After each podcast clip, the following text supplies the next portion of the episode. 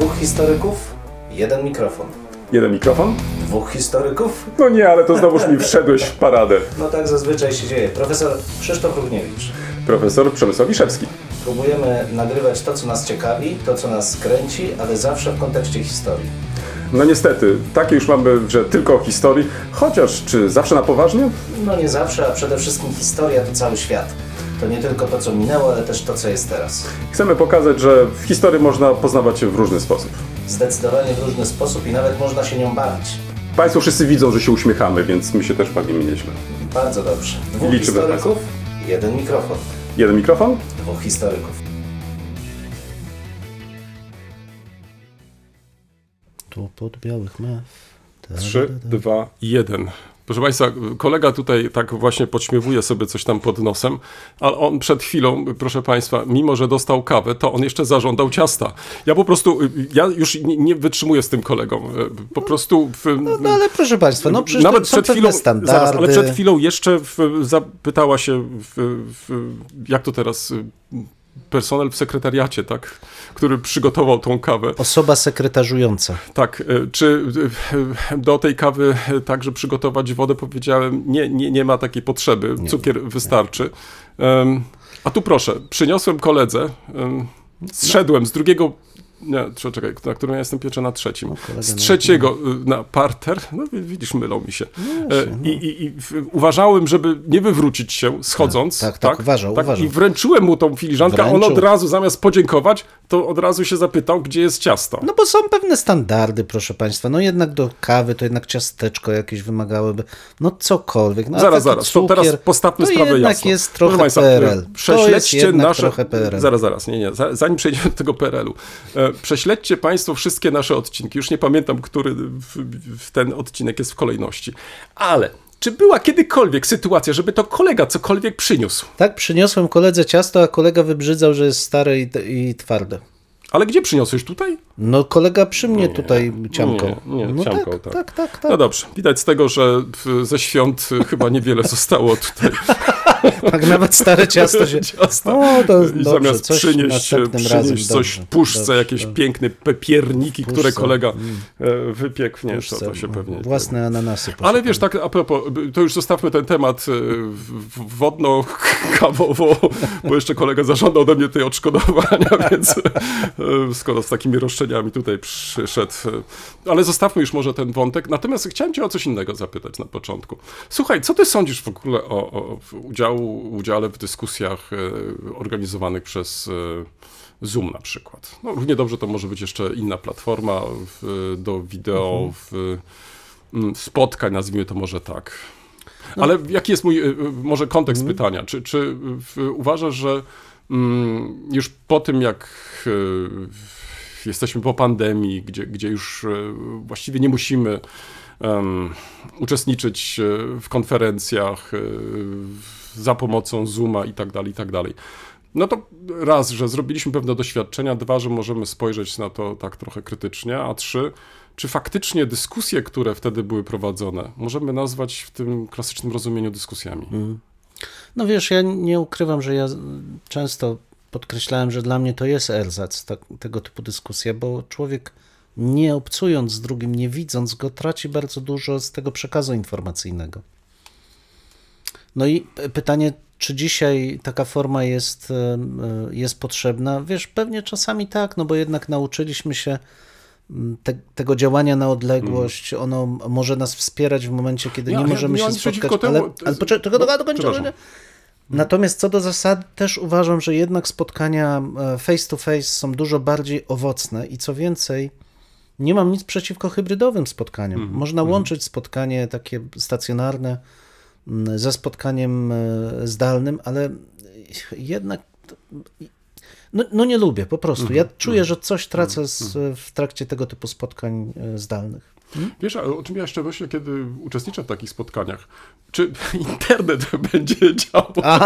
Wiesz, to znaczy cały czas boję się, że w, w momencie, kiedy zabiorę głos, że w, ja będę mówić i będę przekonany, że, że, że w, jestem rozumiany, lub też inaczej.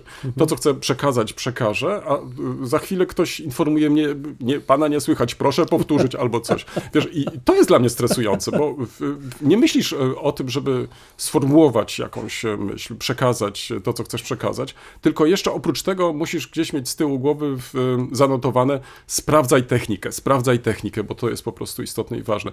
Ale dlaczego, przepraszam, że ci przerwałem, bo e, myślę, że tu jesteśmy zgodni, jeżeli chodzi o takie informacyjne spotkania, to to faktycznie się sprawdziło, to znaczy różnego rodzaju posiedzenia, nawet rad naukowych. Wydaje mi się, że w, w, jeżeli, może nie jest to robione z tygodnia na tydzień, ale, ale co jakiś czas, lub też na przykład raz są e, rady organizowane w sposób e, ten tradycyjny, stacjonarny, a innym razem na odległość. To, to myślę, że, że to się sprawdza i to chyba tutaj nie ma o co kruszyć kopii. Natomiast w chwili, kiedy dyskutujesz o różnych e, ważnych e, problemach, to raczej jednak e, to, to nie jest najlepsze medium. Powiem może w ten sposób. E, Znaczy wiesz, no też z drugiej strony ja patrzę na to i tak, że jest to jakiś znowu erzac. Znaczy jeśli ktoś nie może się spotkać, no to można zorganizować coś takiego, ale mi, wydaje mi się, że to, co mogłoby i na, przy tym stanie techniki być pewnym standardem, to jednak hybrydowe spotkanie, mimo wszystko.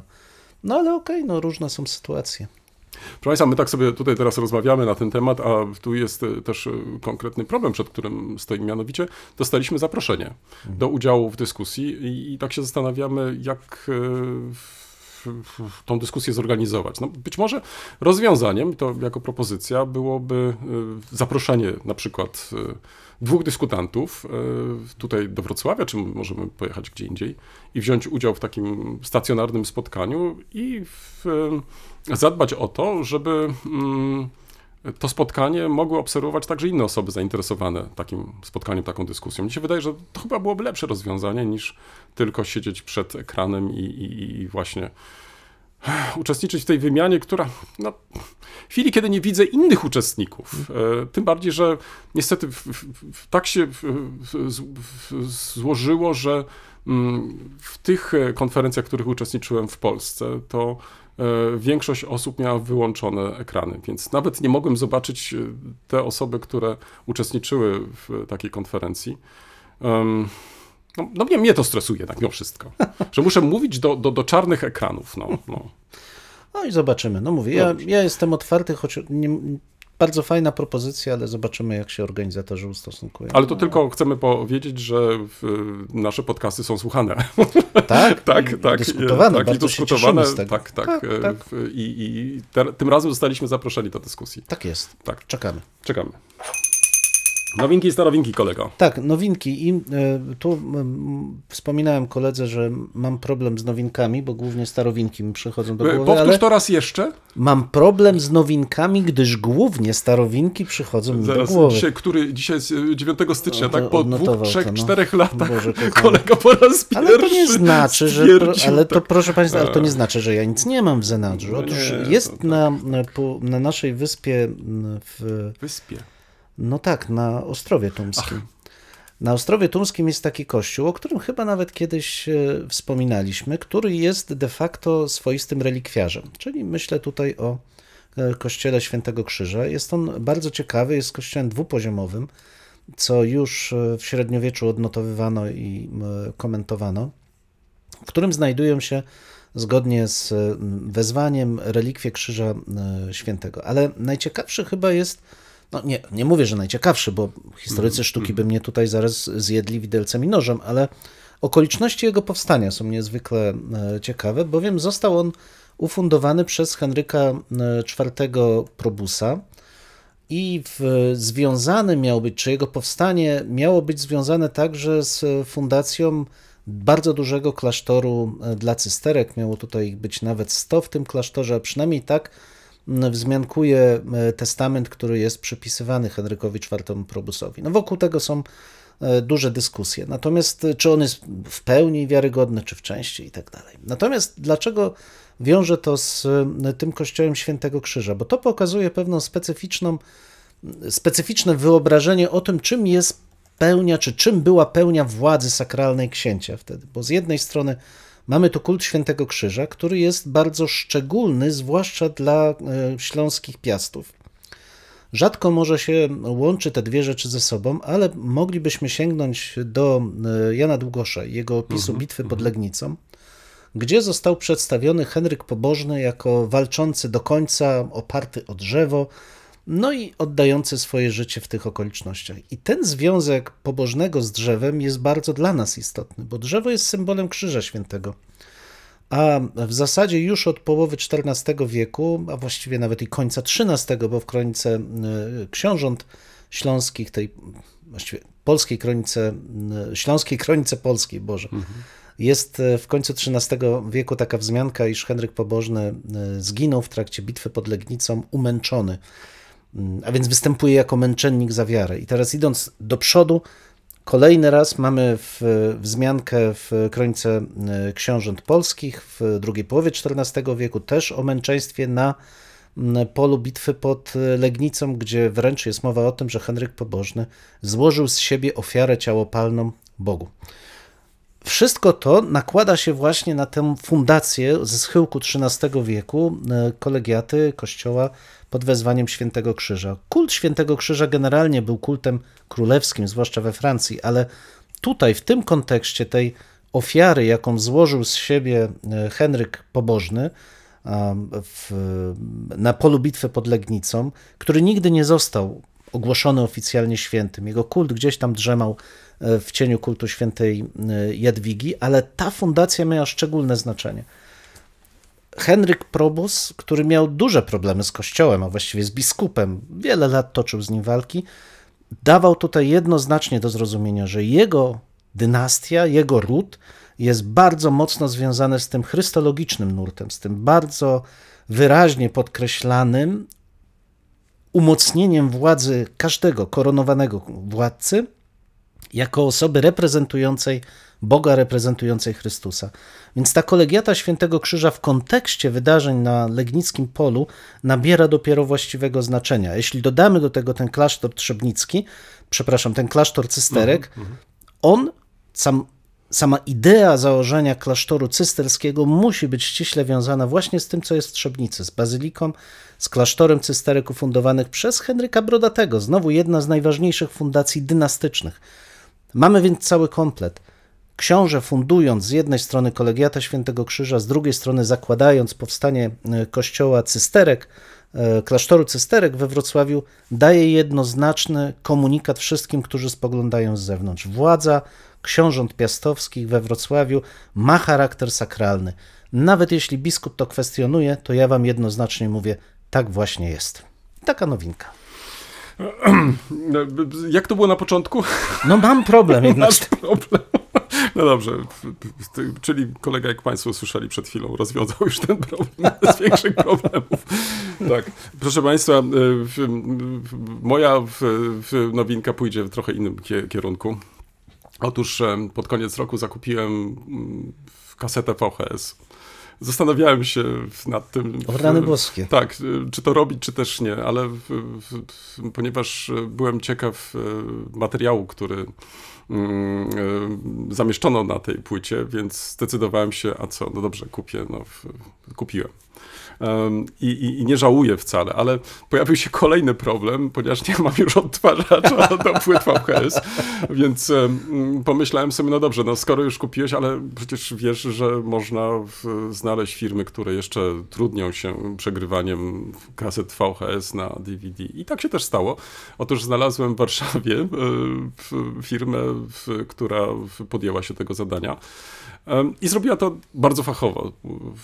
Muszę ci powiedzieć, że, że sam byłem nawet zaskoczony w, w jakością w nagrania.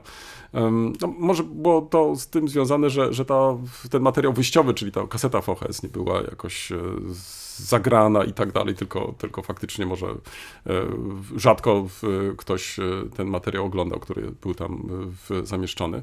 No w każdym razie jakość bardzo dobra, mam jakość pierwszorzędną. No więc później zacząłem szperać oczywiście w internecie. To, to już tylko tak na marginesie, że właściwie od tego chyba powinienem rozpocząć dzisiaj tak naprawdę, a nie od przeglądania różnego rodzaju katalogów, e, także katalogów aukcyjnych w poszukiwaniu takich czy innych materiałów. Otóż najpierw może dwa zdania, czego dotyczy ta, e, ta kaseta i co na nim można zobaczyć. Mianowicie to jest e, taka może ciekawostka. Otóż wielokrotnie przytaczałem nazwisko Oskara Barnaka jako twórcy, konstruktora lajki aparatu małoobrazkowego. E, Także z tej racji może ta postać jest e, przede wszystkim e, znana. Ale mało znana jest jako filmowiec, bo w, oprócz tego, że skonstruował w, wspomniany aparat, e, który do dzisiaj tak na marginesie jest produkowany, e, to mm, e, także skonstruował e, kamerę filmową i za pomocą tej kamery e, filmowej robił pierwsze filmy. I te filmy się zachowały. E, Pierwsze filmy dotyczą różnych scenek e, z życia miasta Wetzlar e, od roku 1914. Także znajdziesz takie właśnie, można powiedzieć, takie pocztówki pokazujące karnawał, e, regaty na rzece i tak dalej, i tak dalej. Ale e, w tych materiałach znajdują się też ciekawe filmy, które już mogą zainteresować e, bardziej e, historyków, którzy zajmują się generalnie historią Niemiec, a także i kina. Mianowicie mm, podczas I wojny światowej e, nie uczestniczył w działaniach I wojny światowej, także pozostał w Wetzlar i był takim kronikarzem też e, tego miasta, czyli wraz z rozwojem I wojny światowej do tego miasta zaczęły przybywać nowe grupy osób, na przykład y, więźniowie, e, e, wieńcy francuscy, później ukraińscy i tak dalej. Także to wszystko filmował e, Barnak i te materiały się zachowały, więc jest to bardzo ciekawe świadectwo czasu. Myślę, że można spokojnie też wykorzystać te materiały celem ilustracji w szkole. Mm, Na tej płycie zamieszczono też inne materiały, już nie tylko w, z, z, sfilmowane przez, przez, przez Barnaka. E, Pierwsze filmy, mm, można powiedzieć, takie w, reklamowe w samych zakładów Wetzlar, aż do lat 50. W sumie e, ten materiał ma ponad półtorej godziny, jest to bardzo ciekawe. Dlaczego ten internet? Otóż kiedy zacząłem szukać w internecie, okazuje się, że mm, większość tych filmów jest dostępna dzisiaj w internecie, więc można bez e, problemu, mm, e, niekoniecznie tak jak ja to zrobiłem, mm, kupując kasetę VHS, wysyłając ją do Warszawy. E, Teraz mam to na DVD i tak dalej, czyli mam na innym jeszcze nośniku, który mogę bez problemu sobie wywołać i obejrzeć te filmy w spokoju, ale można też i e, obejrzeć te filmy w internecie. Zamieszczono ponad 32 filmy, są to krótkie filmy. Oczywiście link do e, tej strony mm, zamieszczę.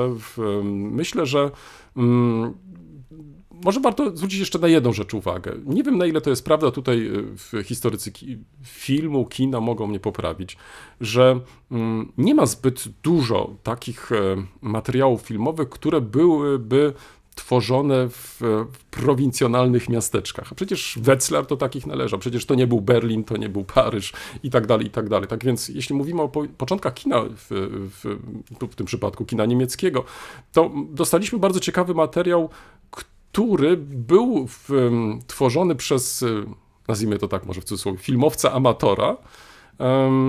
I to, co go interesowało, to właśnie to życie tego miasta, jak pulsowało to miasto. Więc może z tego też powodu warto zwrócić na ten materiał uwagę, bo to no, dzięki jego w, zaangażowaniu mamy taki wgląd do tego, co się działo właśnie gdzieś na jakiejś tam głębokiej prowincji niemieckiej e, okresu I wojny światowej i pierwszych lat e, po e, tej konflikcie. Tak więc e, e, Moja nowinka, starowinka to jest taka, kasety VHS, proszę Państwa, jeszcze można je przegrać, e, ale zanim to zrobicie i w ogóle zanim może zakupicie taki czy inny materiał, to warto sprawdzić w internecie, bo faktycznie coraz więcej tych materiałów, także i właśnie materiałów filmowych jest dostępne w internecie. No, teraz e, z ciekawością zestawię sobie te materiały, które ja mam z tymi, które są dostępne w internecie i czy faktycznie jest to jeden do jednego i czy te ale materiały, wiesz, które zacznijmy e, od tego, że jednak, że są jednak, te same. że jednak masz e, coś, co, e, do czego możesz wrócić w każdej chwili, niezależnie od tego, czy YouTube będzie działał, czy też nie. Jakość też jednak jest dużo lepsza, bo mimo wszystko w to, co oglądamy na Kolega mnie YouTube pociesza. Jest... Tak, tak.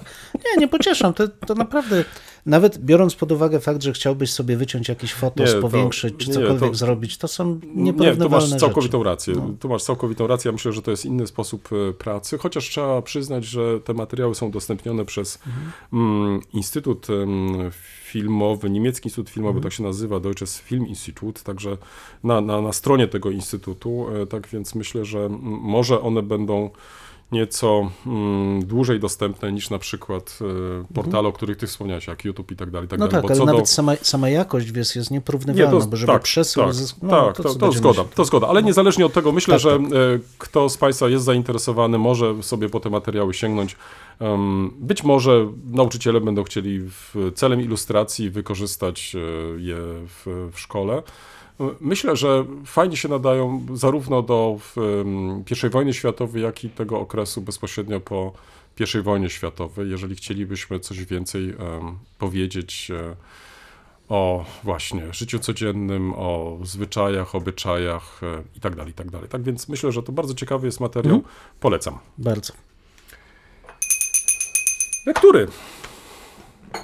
Tak, odstawiłem kawę, Państwo słyszą, żeby nie było, że nie piję kawy, którą mi kolega dał, bo piję. Przez chwilę kolega miał tą filiżankę postawioną na klawiaturze, Tak. więc e, już bałem się, że faktycznie zaraz wystawi mi rachunek, ale to on postawił tą filiżankę na klawiaturze, a nie ja komputera. Dobrze. Proszę Państwa, dzisiaj A co by y, było, gdyby się kawa mu wylała? O, o. bym zobaczył, czy to kawa, a nie rozpuszczalnik. Ale w każdym razie wracając, Boże, nie, nie, co ja Proszę państwa, dwie to- książki Ta kawa dzisiaj. chyba nie była najlepszym pomysłem. dwie książki z wydawnictwa De Gruyter, em, obie w wolnym dostępie, więc to myślę, że też warto, e, linki podamy pod e, artykułem. Bardzo ciekawe, z dwóch serii, które dotyczą chyba najciekawszych, a może najbardziej bieżących nurtów e, i w historii, i w, czy w historiografii, i e, w humanistyce. Pierwsza to e, pierwszy tom serii Public History in European Perspectives. Mm, Public History, czy historia w przestrzeni publicznej, jak u nas w dość nieco długim tłumaczeniu się mm, w tłum, przedstawia, to nurt, który ma pokazywać relacje między tym, w jaki sposób historia jest obecna w dyskursie, w jaki sposób pojawia się w relacjach pozauniwersyteckich czy pozanaukowych, do czego zmierza, w jaki sposób oddziaływuje, wszystkie te elementy, które związane są e, z obecnością historii w naszym życiu, nas nieprofesjonalistów. Okay. Ta książka jednak jest dość szczególna, bo w sam jej tytuł Exhibiting the Past, Public History of Public Histories w zasadzie, of Education, wskazuje na e, specyficzny zakres tematyczny. I autorzy, e, czy właściwie redaktorzy e, podkreślają, że książka bardziej, tu cytuję, bardziej niż oferując systematyczny przegląd, projektów historii w przestrzeni publicznych w ich zakresie badań, pokazuje, czy stara się przede wszystkim stymulować refleksję nad tym, w jaki sposób i jakie e, historie e, są przekazywane e, publiczności, przekazywane naszemu otoczeniu, w jaki sposób historycy edukacji opowiadają, przedstawiają i tutaj jest ładny czasownik musealize, muzealizują Dualizują. w te historie o przeszłości oraz jak daleko, tu kolejny zwrot mamy, zwrot partycypacyjny, czyli współuczestniczący, zmienił się, czy zmienił w, m, w obrębie naszego m, pola zainteresowań, to znaczy relacji między wspólnotą akademicką a m, e, historiami, które wyrastają od dołu niejako, czyli tymi, które są opowiadane przez uczestników wydarzeń e, historycznych, a wreszcie e, jak e, rola społeczna, e, e, czy jak powinno się odgrywać społeczne role historii edukacji. I rzeczywiście książka skupiona jest przede wszystkim na historii edukacji, zaangażowaniu nauczycieli, wykorzystywaniu historii w działaniach edukacyjnych, ale Co samo w sobie jest oczywiście ciekawe i dla mnie szczególnie e, interesujący jest zakres dotyczący wspomnianej już muzealizacji, ponieważ mamy tutaj szereg artykułów, które pokazują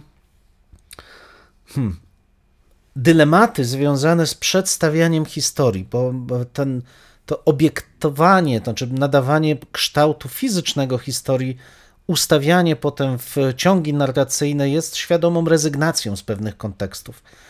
No i teraz pytanie, w jakim kierunku ta rezygnacja idzie, w jakim zakresie my świadomie ją dokonujemy, w jakim zaś nie. Bardzo ciekawy artykuł w tym kontekście Antonio Vinao Frajo, Public History Between the Scylla of Academic History and the Charybdis of History as a Show, czyli e, historia w przestrzeni publicznej między Scylną akademickiej historii, a Charybdą e, historii jako przedstawienia, jako show. E, Zachęcam do przeczytania także innych artykułów różnej, jak, różne, nie mówię, że jakości, ale różnym zakresie, bo część rzeczywiście dotyczy głównie historii takiej szkolnej, w tym sensie, że mamy tutaj na przykład refleksję nad tym, w jaki sposób historie opowiadane o konkretnych szkołach budują etos nauczycieli, którzy uczestniczą w e, tej działalności edukacyjnej, więc taki dość wąski zakres, ale także e, pozostałe artykuły dotyczące budowania narracji o historii właśnie w, mm, e, czyli ten storytelling właśnie w zakresie edukacyjnym, moim zdaniem jest bardzo ciekawy. My mamy chyba pewien problem z tym, znaczy mm, nie jesteśmy skłonni raczej stosować tej metody storytellingu w, w nauczaniu, a wydaje mi się to bardzo, e, bardzo ciekawe. Zresztą niektóre tematy tutaj są takie, powiedziałbym, bardzo em, no, dyskusyjne, ale to już zachęcam Państwa, żebyście Państwo sobie zajrzeli. Jest kwestia między innymi child abuse, institutional child abuse from comparative perspective w, hi w historiografii holenderskiej. Warto, e, warto spojrzeć.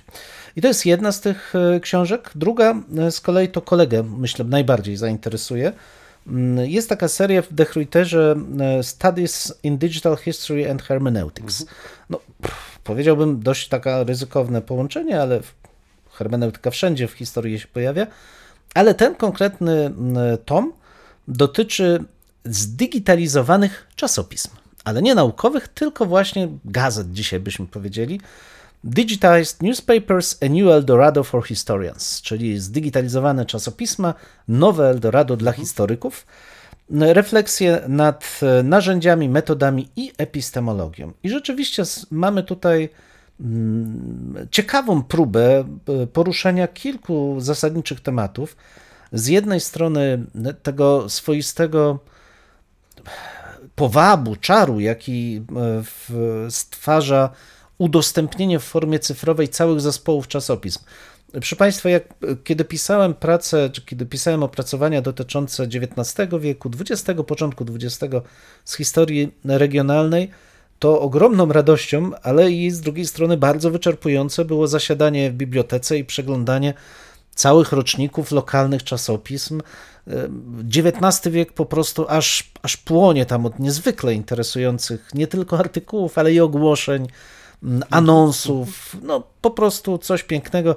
Potem przychodzi wiek XX, wszystko się zmienia, ale to już zwłaszcza ci, którzy się tym zajmują, wiedzą najlepiej.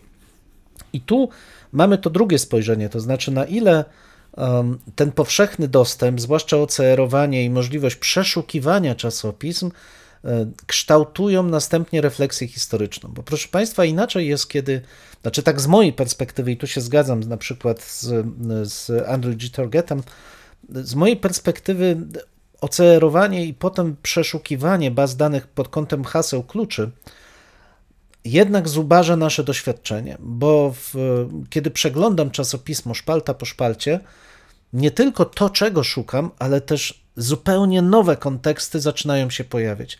Ja też zupełnie inaczej widzę konkretną informację w kontekście całego zespołu informacji. Natomiast jeżeli stosujemy tylko wyszukiwanie poprzez OCR konkretnych artykułów zawierających na przykład nazwę, nie wiem, wino, piwo czy cokolwiek, no to pojawią nam się tylko te elementy, gdzie sama występuje nazwa, natomiast już kontekstu nie zobaczymy. Jest to pewne niebezpieczeństwo. Tutaj są e, pokazane też możliwości zminimalizowania tego typu niebezpieczeństwa, ale moim zdaniem no jest tutaj jeszcze dużo do zrobienia. Ciekawy artykuł e, Christophera Hansiga, Martina Munke i Michaela Tosa dotyczącego zdigitalizowania i prezentowania czasopism nazistowskich. To też temat, e, no, który chyba nam umyka, a bardzo ważny, bo czasopisma nazistowskie, zwłaszcza te regionalne, e, były przedrukami. I jeśli ktoś powie, że nie, zakładamy embargo na, nie wiem, na Beobachtera i uważamy, że sprawa jest... Nie, absolutnie nie. Te same treści, które będziemy mieli w Volkisches Beobachter będą obecne w czasopismach regionalnych, bo od 33-4 roku one są de facto przedrukami.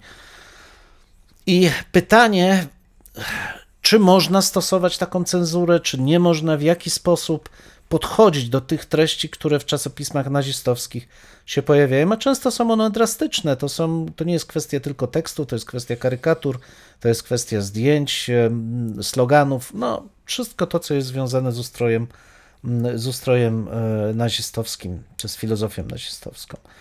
Wreszcie e, mamy tutaj cały obszerny rozdział, dla mnie też bardzo istotny, dotyczący właśnie e, niebezpieczeństw, ale też em, specyfiki takiego źródła, jakim są czasopisma zdigitalizowane, bo właśnie czym, znów wrócę do tego, bo jest to bardzo istotne, że czym innym jest to tradycyjne czasopismo i korzystanie z niego, czym innym korzystanie z czasopisma zdigitalizowanego. I tu Zoe Kergomart zadaje takie kluczowe pytanie, a source like any other. Czy takie czasopismo jest zwykłym y, źródłem? Czy nie powinniśmy jednak podejść do niego jako innego typu, y, innego typu źródła?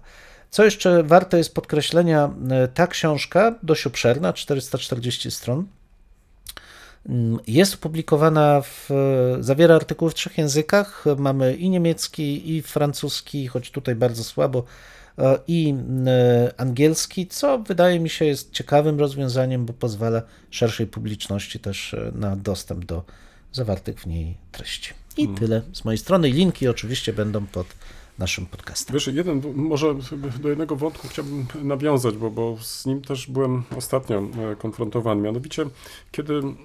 i To, to może Cię zaskoczyć. E, W chwili, kiedy sięgnąłem po jedną z publikacji dostępną w internecie, dotyczącą Tyrolu, mm, wydaną w, w okresie III Rzeszy. Jakie moje było zaskoczenie, kiedy mm, administratorzy tej strony, gdzie, gdzie ten materiał był dostępny, wygumkowali w, w cały e, akapit e, i podali informację, że to jest wbrew obowiązującemu prawu. Wiesz, ja zacząłem się w którymś momencie zastanawiać, zaraz, zaraz, e, przecież to, to nie jest ta publikacja w, i, i ta, ta publikacja była oferowana przez jedną z bibliotek e, uniwersyteckich. Przecież to, to nie jest e, publikacja do jakiegoś takiego ogólnego, fakt, że ona jest dostępna ogólnie, ale, ale z myślą raczej o badaniach naukowych. Tak. E, I teraz e, mm, ja tutaj mm, się też zastanawiam nad tym, że w, w, z jednej strony rozumiem e, tą ostrożność w udostępnianiu materiałów kontrowersyjnych, nazwijmy może to tak trochę eufemistycznie, ale z drugiej strony no, wprowadzenie różnego rodzaju ograniczeń, choćby w ten sposób, że ja nawet nie jestem w stanie w- dowiedzieć się, co, mieś, co, co, co było w tym akapicie, no to uważam, że to już jest chyba przesada jednak Nie, to wszystko. oczywiście, wiesz, no, ja w ogóle mam wrażenie, że ostatnio bardzo często ten strach paraliżuje wręcz Mm. naukę, no bo nie- wczoraj przeczytałem artykuł w, chyba z New York Timesa dotyczący zwolnienia pracownika, wykładowcy historii sztuki w jednym z małych Mhm, uniwersytetów amerykańskich, który ośmielił się pokazać portret Mahometa. Wcześniej e, uczulał studentów, pozwolił wyjść tym, którzy uważają, że to ich obraża, a następnie pokazał. I mimo tego wszystkiego został zwolniony, bo obraził uczucia religijne wspólnoty islamskiej. No dla mnie to jest. To, naprawdę uważam, że nauka europejska żyje dzięki temu, że ma zaufanie do racjonalności. To Głupota może pojawić się wszędzie, o czym będziemy tak, mówić, tak. ale jednak ma zaufanie do ludzkiej racjonalności. Bez tego to jest nieporozumienie. Ja uważam, że to jest nieporozumienie, taka autocenzura. Mhm. Dlatego y, z jednej strony naturalnie jesteśmy ogromnie wdzięczni, że coraz więcej tytułów prasowych jest udostępnianych e, w wersji elektronicznej. Ja oczywiście też rozumiem powody, że nie wszystkie może tytuły od razu są udostępnione, ale z drugiej strony, wiesz, na przykład nie wiem z jakich powodów e, Trybuna Ludu, gdybyśmy chcieli na przykład wymienić Mhm. Tak. jedną, z, jedną z gazet z innej strony, Tak nazwijmy to tak, spektrum politycznego, także ta gazeta nie jest dostępna w internecie do dzisiaj. Naprawdę? Tak, tak, tak. Ona nie jest dostępna. Nie możesz jej e, badać, e, siedząc przed e, ekranem komputera. A gazeta robotnicza na przykład? Wiesz, nie sprawdzałem, ale z tego co pamiętam, Trybuna Ludów na pewno nie. Na pewno nie. Mamy też kłopoty na przykład z innymi gazetami. W moim przypadku to jest Neues Deutschland i to musisz mieć faktycznie pozwolenie na korzystanie e, z, em, z takiej czy innej biblioteki po zalogowaniu się. Ale to też potrafię zrozumieć. To znaczy, w- biblioteka w ten sposób chce ograniczyć e, możliwość e, takiego dowolnego dostępu, może tak, No ale otwartego. czemu? No właśnie ja tego nie rozumiem. No czemu? No,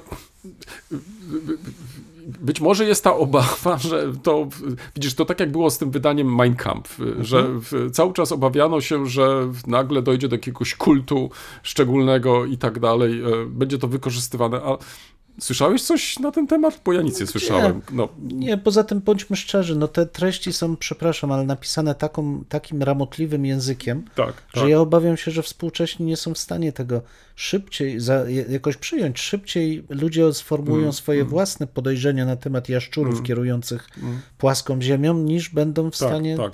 wykorzystać treści dość skomplikowane. Dlatego, dlatego, czy też z tego powodu też wydaje mi się, że, że w, mm, zarzucanie tego rodzaju projektów, bo to w końcu są też duże projekty w, w, dotyczące skanowania, udostępniania i tak dalej, i tak dalej, bo to nie jest tylko kwestia e, takiego dzisiaj mechanicznego ze skanowania, Tak. bo, bo to, z tym się wiąże też cały aparat e, naukowy, który, który warto em, e, dodać.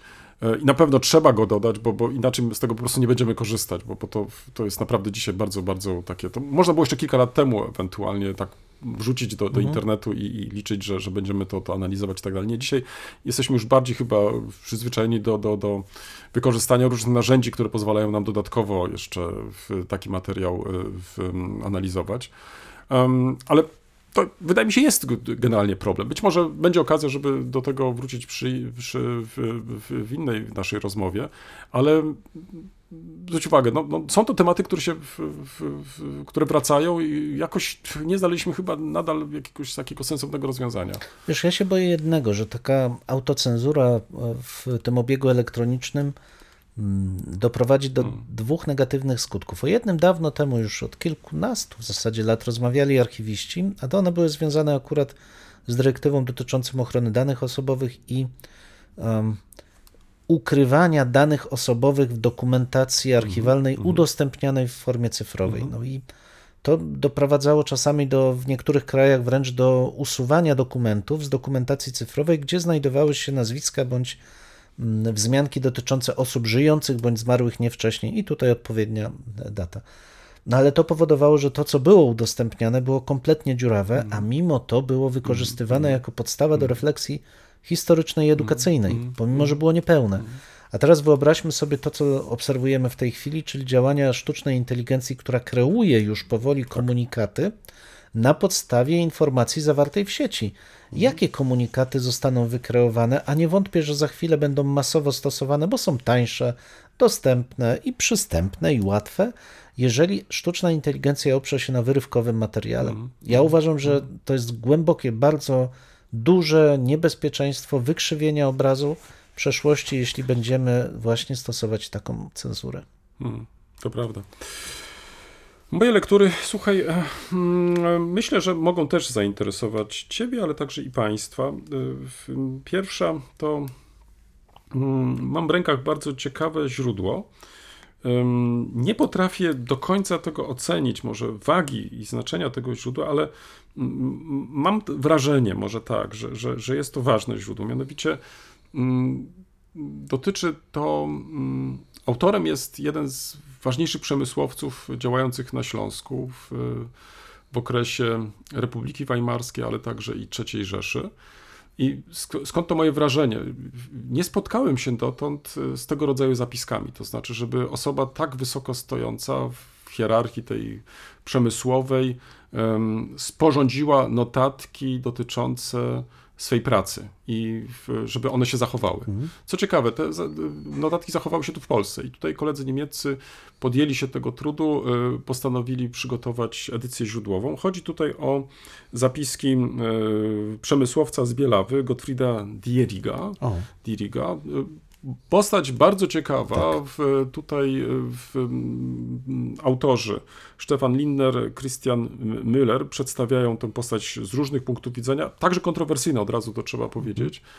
Em, w- nie będę przedstawiać biografii y, w, w Dieriga. Y, Warto może w, tutaj tylko zaznaczyć, że e, okres, którym on się zajmuje, to są lata od y, 23 roku, czyli od y, momentu kryzysu w, y, w Niemczech, nasilenia się tego, ale też i wychodzenia z kryzysu, do właściwie przejęcia władzy przez nazistów. Czyli mamy y, okres 10 lat i tego, jak zmieniała się gospodarka y, niemiecka, zwłaszcza na Śląsku tutaj, ale y, to by może byłoby jeszcze za mało, gdyby, gdyby na tym poprzestać. Otóż e, to, co samego Dieriga interesowało, to także e, aspekty polityczne, ale także i biograficzne. I z tego też powodu, jeżeli ktoś zajmuje się historią tej rodziny, tego przedsiębiorstwa tekstylnego, to z pewnością znajdzie tutaj sporo e, ciekawego materiału. Co warto e, podkreślić, te mm, zapiski zostały sporządzone stosunkowo późno, bo w 1944 roku, czyli praktycznie pod koniec wojny. Tutaj może warto dodać, że w, sam Dierik w 1945 roku popełnił samobójstwo. Ale to jest związane po prostu z jego nastawieniem e, do narodowego socjalizmu. Nie widział dla siebie już e, żadnego miejsca w tym, tym nazwijmy to, świecie powojennym już, także stąd też i taka decyzja. Niezależnie od tego, wydaje mi się, że jest to bardzo ciekawy materiał. Warto do niego zajrzeć. e, Warto mieć przynajmniej na uwadze, że ten materiał się po prostu ukazał. Ale sam jestem ciekaw, muszę ci powiedzieć, ponieważ nie zajmowałem się dotąd e, historią gospodarczą e, Śląska w, e, w, w tym okresie. Czy podobne źródła są dostępne? Po prostu nie wiem. Ja tego nie wiem, ale w- trochę może e, można mieć żal do, do autorów, że mm, nie przedstawili tej problematyki na szerszym tle, to znaczy w, rozwoju gospodarczego Śląska jako takiego e, i tym samym e, w tym takim opracowaniu, tego moglibyśmy spodziewać się chyba jednak od w autorów e, opracowujących źródło, że mm, troszeczkę zdradzą nam, na ile to źródło jest faktycznie unikatowe, to znaczy na ile ono jest mm, takim źródłem, które no nie tylko warto opublikować, udostępnić e, szerszemu e, czytelnikowi, ale też czy jest to źródło w, jedno, znaczy unikalne, no jakieś, jakieś szczególne i tak dalej, i tak dalej, na tle właśnie innych materiałów, które są po prostu znane.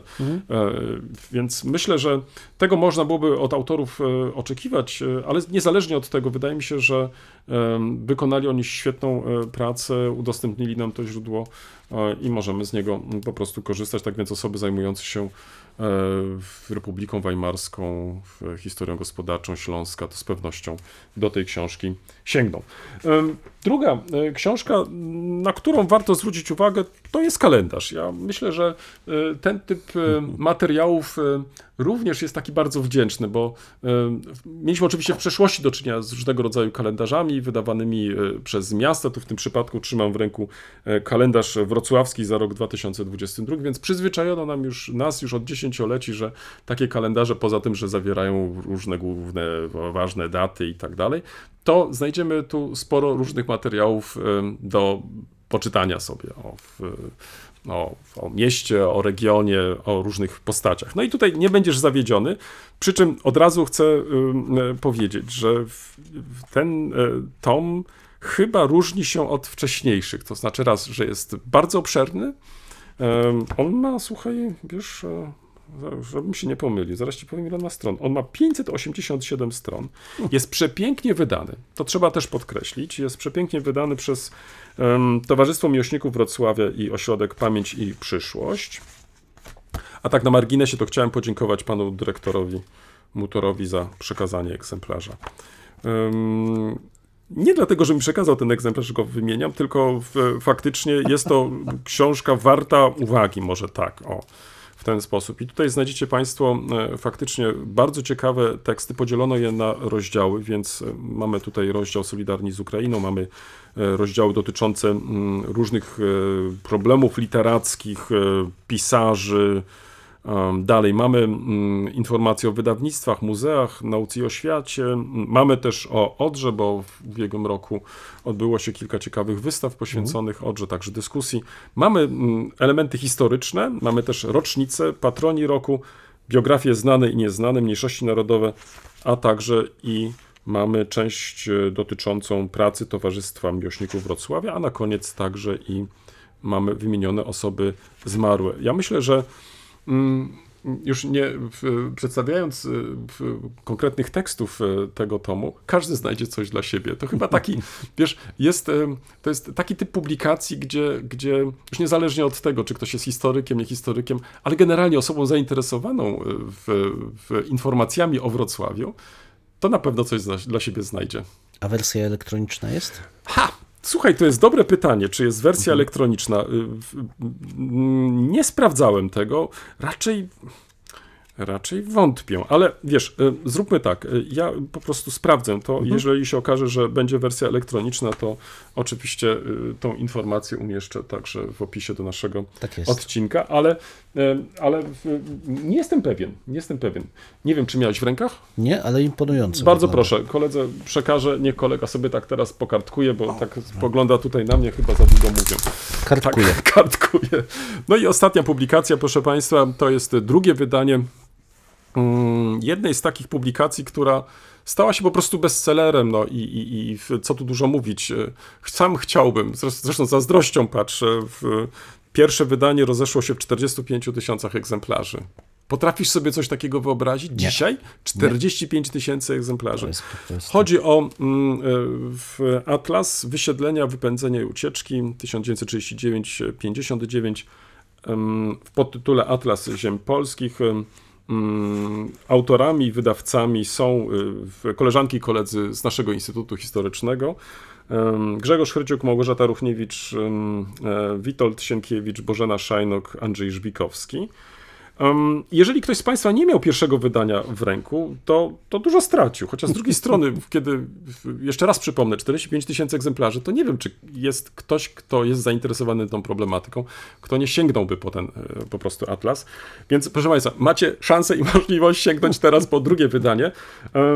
Ja tylko przypomnę, że mm, autorzy skoncentrowali się tutaj przede wszystkim na mm, czterech e, narodowościach, na Polakach, Żydach, Niemcach i Ukraińcach i pokazali e, cały region e, Europy Środkowo-Wschodniej jako to miejsce, gdzie dokonywano właśnie w tych wspomnianych latach 39-59 przymusowych e, migracji, lub też migracji jako takich. Książka przepięknie wydana. To, co chyba jest e, charakterystyczne dla tej publikacji, to e, duża liczba map, jest ich ponad e, 60, e, jeśli się nie mylę. Ponadto jest przepięknie ilustrowana, ponad 400 ilustracji, e, tak więc e, są to, może co chcę podkreślić, wielokrotnie po raz pierwszy drukowane e, zdjęcia. W tym drugim wydaniu faktycznie autorom udało się nie tylko zaktualizować teksty, ale także i mm, uzupełnić te teksty o nowe materiały. Pierwsze wydanie chyba było przed 10 lat, jeśli się nie mylę. Chyba tak, przed 10 laty. To tylko pokazuje, że te badania nad migracjami, czy też przymusowymi migracjami e, dalej są prowadzone i że pojawiają się nowe mm, e, wyniki badań. Te znalazły tutaj teraz e, swoje odzwierciedlenie w tej właśnie publikacji. Myślę, że mm, wszystkie osoby zainteresowane tą problematyką powinny sięgnąć po tą książkę, bo jest to książka, mm, nie tylko dla historyków, to znaczy w, myślę dla generalnie osób zainteresowanych e, losami różnych narodowości i e, tego, jak e, te narodowości mm, postrzegały te różne problemy, bo tutaj z, w tej części dokumentacyjnej znajdują się nie tylko dokumenty urzędowe, ale także na przykład relacje, wspomnienia osób. Oczywiście jest to tylko wybór i nie można oczekiwać jakiejś jakiegoś całościowego ujęcia, ale na pewno są tutaj ważne wskazówki, gdzie dalej poszukiwać e, tego rodzaju materiałów. Tak więc e, na końcu mm, zamieszczono taką zbiorczą e, bibliografię, która pozwala tym osobom, które są zainteresowane dalszymi poszukiwaniami, sięgnąć po dodatkowe publikacje i w ten sposób pogłębić sobie tą problematykę. Tak więc zachęcam do sięgnięcia po ten atlas. Z tego co wiem, to chyba nie ma e, jeszcze, nie wiem w ogóle czy jest w planie, e, wersji elektronicznej tego atlasu. Nie ukrywam, że byłoby to bardzo fajne rozwiązanie. To znaczy, gdyby potraktować e, ten materiał, który tutaj mamy w formie tej takiej tradycyjnej książkowej, jako mm, ewentualnie przeniesienie tego do świata multimedialnego, to znaczy gdyby mm, ten materiał, który tutaj e, zgromadzono, mapy, ilustracje, może jeszcze e, w, po rozszerzeniu o materiały filmowe, myślę, że dodatkowo by e, uatrakcyjniło ten materiał. e, a przede wszystkim spopularyzowałby dodatkowo ten temat, więc em, takie przeniesienie może jeden do jednego atlasu, w, nie wiem czy miałby sens, ale gdyby zrobić z tego e, taką stronę multimedialną, myślę, że mogłoby to się spotkać też e, z dużym zainteresowaniem, E, zwłaszcza, zwłaszcza po ten materiał pewnie w, mm, sięgnęliby chętnie i nauczyciele, i uczniowie, kto wie, może i studenci, a na pewno my będziemy z niego też e, korzystać, tak więc em, no, może to jako pomysł, e, biorąc pod uwagę, że e, pierwsze wydanie spotkało się z tak dużym zainteresowaniem, być może drugie też e, e, w, będzie się e, dobrze sprzedawać, e, to może wydawnictwo zechce, zechce wydawnictwo Demart zechce podjąć się także i stworzenia mm, strony internetowej dla tego właśnie projektu. Tu kolega oczywiście, w, znaczy, nie oczywiście, ale kolega nie wspomniał, że ta książka miała karierę międzynarodową, bo to 45 tysięcy sprzedanych egzemplarzy dotyczy Polski i Niemiec. Tak, Wydała się w języ- w, tak. została wydana w języku Tak, tak, niemieckim. tak, tak. E, To Ciekawe- pierwsze wydanie, to pierwsze Tak, wydanie. ciekawe byłoby porównanie, gdzie więcej egzemplarzy zostało e, sprzedanych. Absolutnie pierwszorzędna publikacja. No, tutaj wiesz, się- tutaj może dodam, y, a dziękuję, że zwróciłeś na to uwagę, bo to faktycznie jest rzecz ważna. W przypadku, bo jest także niemieckie wydanie, to niemieckie wydanie nie było rozprowadzane w księgarniach, tak to jest na przykład y, w Ciekawe. Polsce, tylko y, przez y, y, Bundeszentrale für politische Bildung, czyli centralę w, w polityczną kształcenia w politycznego. Tak więc tutaj za dosłownie symboliczną opłatę każdy mógł otrzymać e, taką, e, taką, taką publikację. I teraz, co jest ważne może, wiesz, e, to co udało się zrobić e, w e, niemieckim tłumaczeniu, bo, bo to, na to może chciałbym zwrócić uwagę, to znaczy tutaj em, użyto w tytule bardzo zresztą e, w, świadomie liczby mnogiej. Um, w chwili, kiedy w, w, tłumaczono ten atlas e, na język niemiecki, e, to początkowo przetłumaczono w, w liczbie pojedynczej e, i to określenie przymusowe Wypędzenie. wypędzenie, właśnie, czy, czy też wypędzenie, czy też przymusowe e, wysiedlenie, Vertreibung ma bardzo określone znaczenie w Niemczech. To znaczy tutaj od razu jest e, Tak. mm, odsyłać, że, że, że, czy też jest to rozumiane, że tu chodzi o wypędzenie Niemców. Natomiast e, autorzy zrobili tutaj faktycznie ten wyłom e, i w, w, przekonali zresztą też, bo w, wydanie niemieckie już ma, podobnie jak polskie, em, liczbę mnogą, czyli jest mowa o Vertreibungen. I to powoduje, że e, w, w Niemczech czytelnik musi się zastanowić, o co tak naprawdę chodzi tutaj autorom. I myślę, że to chyba się udało im też, że pokazali na przykładzie tych czterech narodów, oczywiście tam są też inne narodowości wymienione, ale te głównie cztery, e, że e, tym procesem przymusowym, czyli Vertreibung, zostały dotknięte wszystkie te narodowości, więc trudno mówić tutaj tylko o specyfice niemieckiej. Tak. I tu od razu powiem Państwu, dlaczego tak aż piałem z zachwytu, bo jedna, jedna mapa wystarczy, żeby mnie przekonać, że muszę sobie też zakupić ten, ten atlas. Pochodzenie przesiedleńców według województw, tu mowa o Polsce, w 1950 roku. I to, o czym często mówię tutaj, jest klarownie przedstawione, bo mamy w głowie na przykład ten mit że większość osób, która przybyła na tak zwane ziemie zachodnie, to byli wysiedleńcy z terenu Ukrainy, Litwy mm, i Białorusi. Diagramy pokazują coś zupełnie e, przeciwnego. To była mniejszość.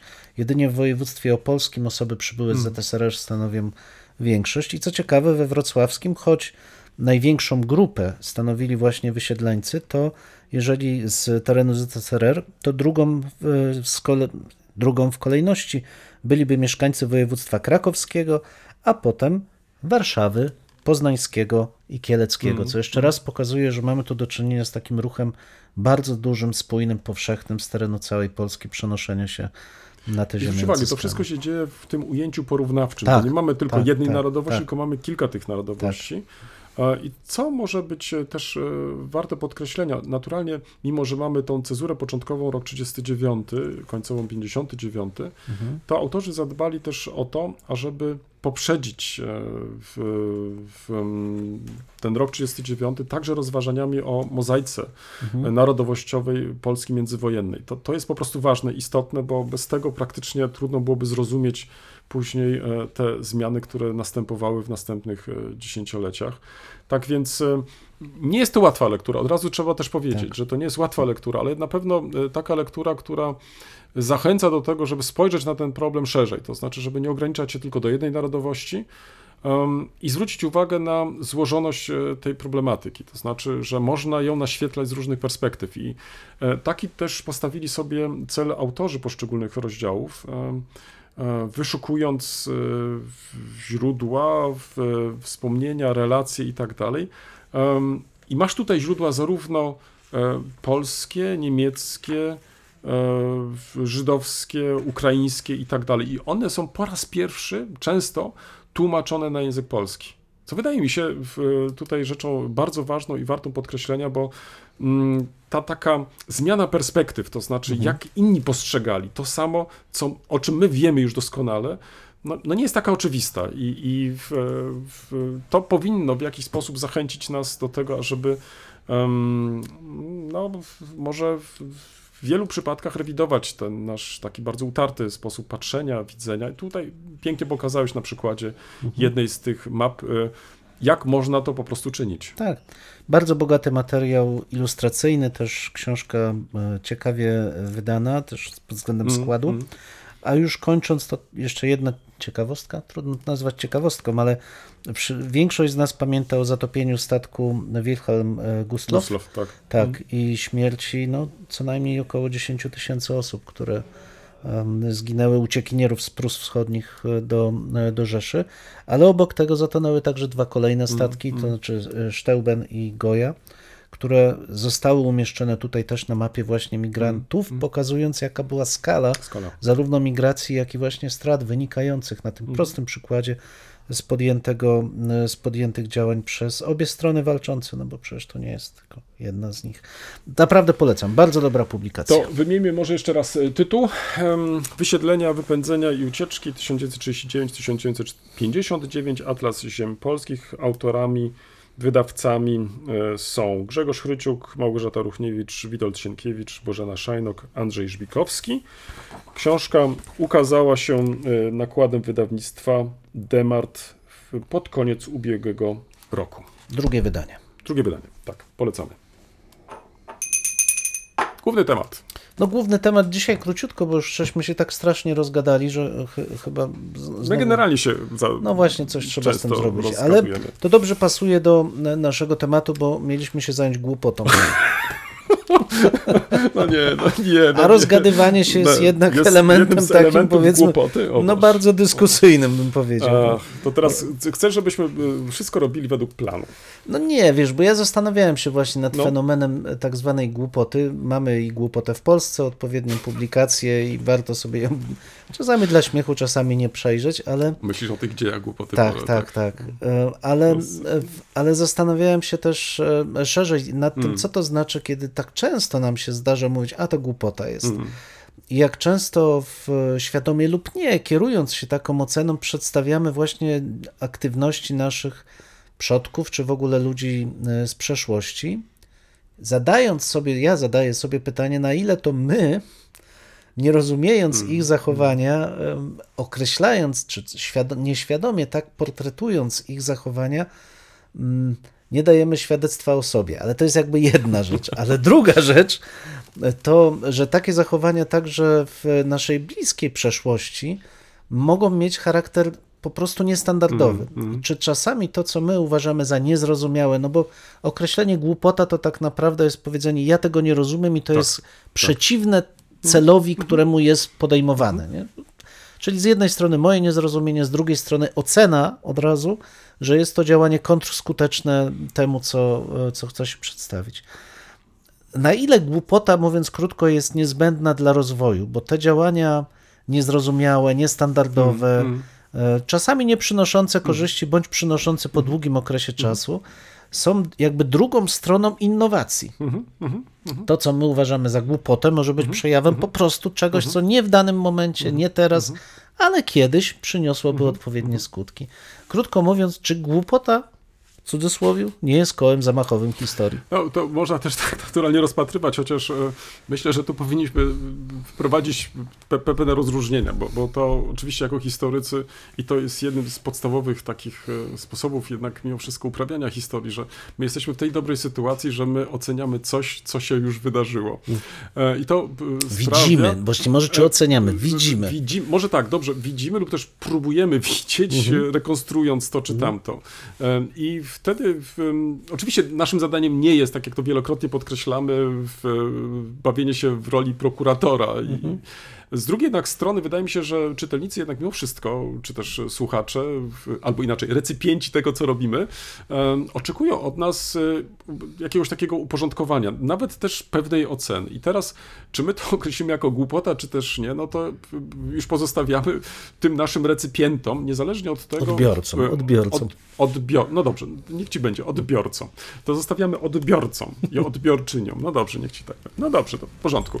Czyli zostawiamy to właśnie ty, tym tej grupie, tej grupie osób, tak, które chcą koniecznie nas wysłuchać em, lub też przeczytać. I em, zwróć uwagę, że em, wtedy możemy się kłócić, czy, czy, czy, czy, czy to nasze Mhm. dowodzenie jest e, poprawne, czy też, e, czy też nie. Ale tu już się nie pojawia wtedy ten element głupoty. To znaczy, w tym sensie raczej bym się tego nie doszukiwał, bo Inną rzeczą jest przypadek w historii, bo, bo też tak. nie nazywałbym przypadku historii głupotą. Oczywiście. Bo, y, równie dobrze mógłbym odwrócić Twoje tutaj pytanie i się zapytać, czy to właśnie przypadek y, nie rządzi też czasami historią. Absolutnie E, się I to, zgadzam czy w, Tak. przypadek nie jest też tym elementem m, kołem zamachowym historii, tak jak to ładnie Mhm. to, to podkreślić. Czyli nie wchodziłbym może tutaj w kontekście głupoty, Mhm. e, czy też używał tego określenia głupoty jako, dla, jako elementu tłumaczącego w pewne postępowanie, Mhm. co wcale nie oznacza, że y, niektóre działania no, trudno nam jest e, zrozumieć e, w sposób racjonalny decyzje, które się podejmuje, kroki, które się e, czyni i tak dalej. No, to, to jednak wykracza poza na, nasz sposób e, e, percepcji. Ale tu się pojawia inna kwestia i tutaj wydaje mi się, że ona jest nie mniej ważna. Czy my rozumiemy kontekst tak naprawdę? O to właśnie E, czy zwracamy na to szczególną uwagę? To znaczy, czy zadaliśmy sobie ten trud, żeby ten kontekst poznać i to działanie jednostki czy jednostek przedstawić nie w oderwaniu od, od tego kontekstu, tylko właśnie mając na uwadze ten kontekst. Wiesz, bo ja pomyślałem sobie na przykład nad takim prostą rzeczą, jaką jest e, poświęcanie ogromnego nakładu energii na kult religijny w e, średniowieczu, co często jest przedstawiane jako przykład właśnie, przepraszam, użyję tego słowa, zacofania, Tak.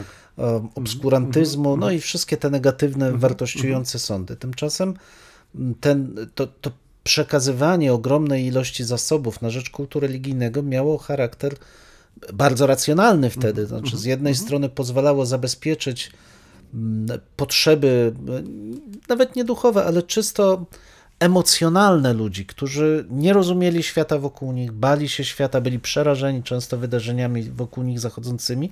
Kult religijny pozwalał im oswoić i siebie, i swoje miejsce. No, był to elementem porządkującym i, bu- świat. I potem wiesz, zupełnie wydajnie pracować, zupełnie wydajnie tworzyć kulturę, gospodarkę i tak dalej. Krótko mówiąc, jeżeli to, co na pierwszy rzut oka nam się wydaje właśnie kontrproduktywne i moglibyśmy użyć, jak może ktoś lubi użyć takiego słowa głupota, jeżeli spojrzymy, tak jak mówiłeś, na ten kontekst, to okazuje się wręcz przeciwnie, niezwykle głęboko uzasadnione, racjonalne, ale w ramach racjonalności tego okresu. Więc te takie, wiesz, ja, ja w ogóle nie lubię za bardzo ocen w historii. Czasami pewnie one się cisną na usta, ale ja wolę szukać zrozumienia mechanizmów. Znaczy, dlaczego te, a nie inne No, ale mechanizmy. przytaczasz e, I- przecież wypowiedzi takich czy Tak. innych osób, które starają się e, jakoś ustosunkować do, do przedmiotu, którym się zajmują. Mhm. To nie jest też tak, że, że one w, tego nie próbują robić. No, Tak. oczywiście jeden to robi może w sposób bardziej wyrafinowany, nie zawsze widoczny, Mhm. musimy się doszukiwać, a jeszcze inni wręcz mówią, czy to jest dobre, czy to jest złe. Tak, no, no wiesz, no, ale to, to już zależy chyba od temperamentu. Tak. Mm, mm. Ba bardziej powiedziałbym, że to kwestia nasza wewnątrzcechowa, Mm, powinna być pewnej dyscypliny i pewnej, e, pewnego zrozumienia dla tego, co robimy i jak to oddziaływuje na otoczenie. Ale tu podjąłeś inny wątek i, i wydaje mi się nie mniej ważny, to znaczy, czy my e, za szybko nie przenosimy swoich obecnych wyobrażeń na przeszłość i w ten sposób oceniamy tych e, ludzi z przeszłości.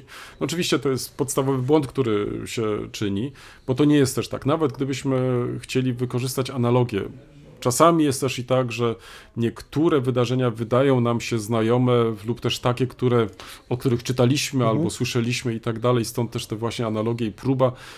To też jakiegoś takiego zrozumienia złożoności dzisiejszego świata poprzez przeszłość, ale nie zawsze to jest możliwe.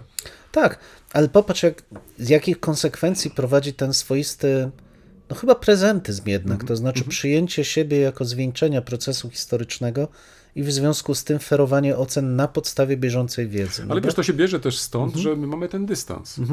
Że mamy jednak dystans do przeszłości i wydaje nam się, czy słusznie, czy też niesłusznie, że em, to, o czym my teraz mówimy, to to już jest przeszłość, my tego nie zmienimy. My tylko co najwyżej możemy lepiej zrozumieć e, to, co było kiedyś, prawda? No tak, ale popatrz, ja, ja się zastanawiam, czy w takim otoczeniu naszym, bo co innego historyk, choć i im się to zdarza, a co innego nasze otoczenie, czy rzeczywiście widzi ten dystans? Ja mam wrażenie, że wręcz przeciwnie, że z jednej strony traktuje historię jako, tak jak mówisz, to jest też argument i siła historii, dowodzenia historycznego, jako coś zamkniętego, co pokazuje, jak życie się toczy naprawdę. Bo wydarzyło się, bo było, bo widzimy rezultaty. Ale z drugiej strony, w tym takim powszechnym doświadczeniu zacierają się granice i ci ludzie ze średniowiecza, z nowożytności, nawet z XIX wieku czy z czasów PRL-u są tacy sami jak my.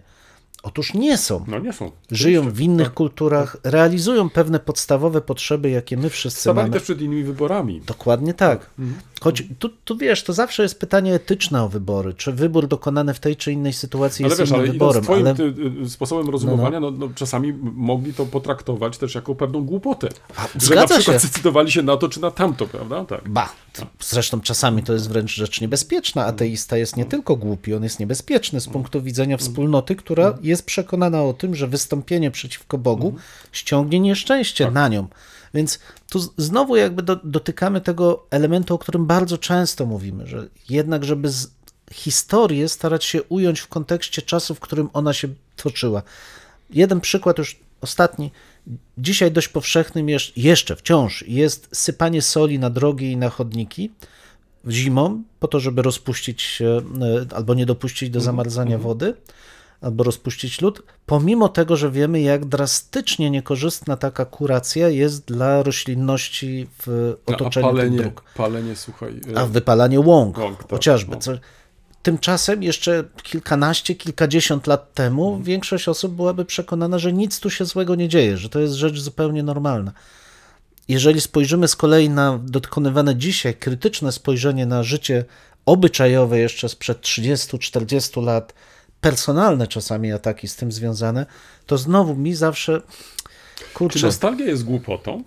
Bo wiesz, bo to tak przyszło mi teraz do głowy, no, że kiedyś żyło się lepiej. A, ale to chyba jest mechanizm powszechny. Im starsi jesteśmy, bo popatrz, to też jest biologicznie uwarunkowane. Im starsi jesteśmy, tym szybciej i wyraźniej pamiętamy odleglejszą przeszłość, a tym większe problemy mamy z przeszłością, nie tak znów odległą, więc Nie mówiąc już o przyszłości. Także nie mówiąc już o przyszłości, sprawa, tak. która się nie rysuje znowu tak optymistycznie. E, To tak, czy, czy możemy być, e, może tak już e, pomału zdążając do końca, czy możemy choć po części być głupi?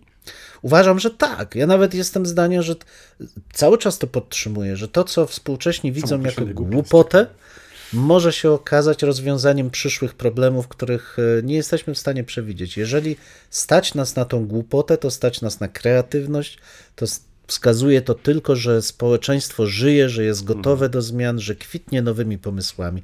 Warto też inwestować w głupotę.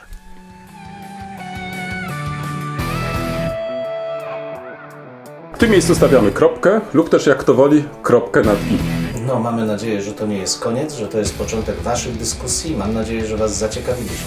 Prosimy o komentowanie naszych zmagań z historią.